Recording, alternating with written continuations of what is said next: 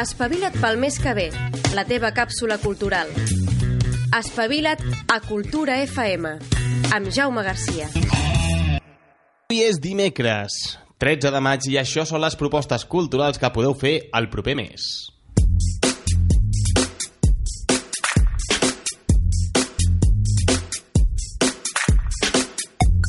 Ana Puertas, què tal? Molt bé, Jaume. Estava fent amb la música, bé, és igual. És divertit veure't, eh? És... Comencem amb dansa. Exacte, aquells Que és el aficionats... que estava fent jo ara. Seguim. Doncs aquells aficionats de la dansa que encara no conegueu la sala Hiroshima, a continuació us donem un motiu per anar-hi. Hugerman és un espectacle inspirat en l'obra de l'artista digital Hans Hugerbrook, creat i interpretat per Mario García Saez. Amb aquesta peça es pretén portar el llenguatge escènic al treball d'animació digital de Hogerbrugger i retornar al- allò orgànic, al cos humà, el que l'artista ha digitalitzat.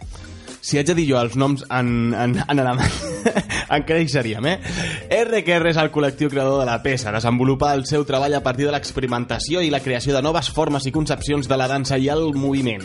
Ja sabeu, no deixeu passar aquesta oportunitat. Podreu gaudir de Hugerman a la sala Hiroshima del 4 al 6 de juny. Podeu comprar la vostra entrada i trobar més informació al web www.hiroshima.cat.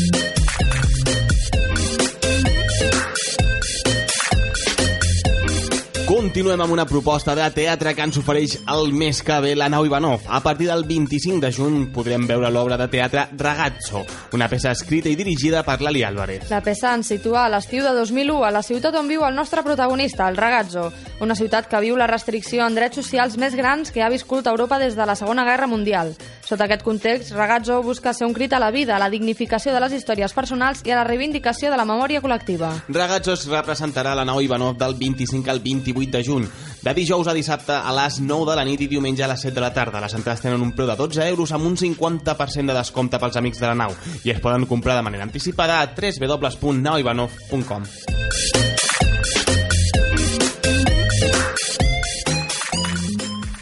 I ara anem amb la proposta musical.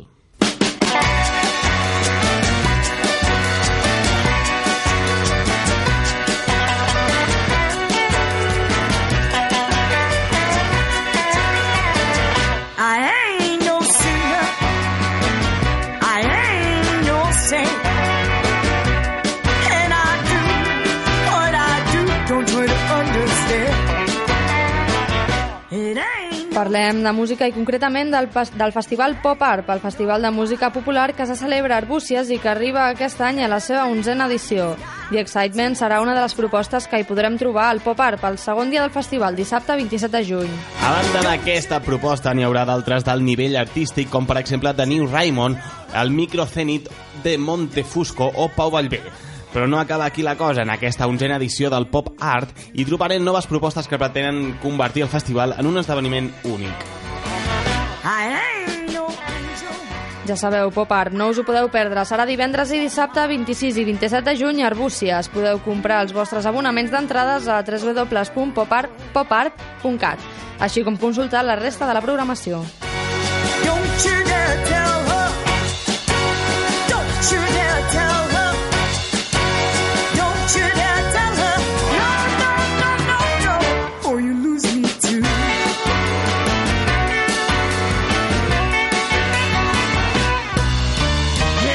Aquestes són les propostes que hem triat avui per vosaltres. Si voleu estar al dia de l'agenda cultural pel mes de juny, seguiu-nos a la nostra pàgina de Facebook www.facebook.com barra espavilatinfo o al nostre Twitter arroba espavilat barra baixa info. I ara segueix a Cultura FM per continuar informat de l'actualitat cultural. Molt bé, així m'agrada. Som un equip. L'equip que salvarà Ràdio Bufarull. Que som un equip! No, no, no, no, no. Nosaltres som Espavila't pel mes que ve. Cada dia de dilluns a divendres a les 9 del matí i a les 4 de la tarda. I nosaltres també som un equip. Un equip de gilipolles.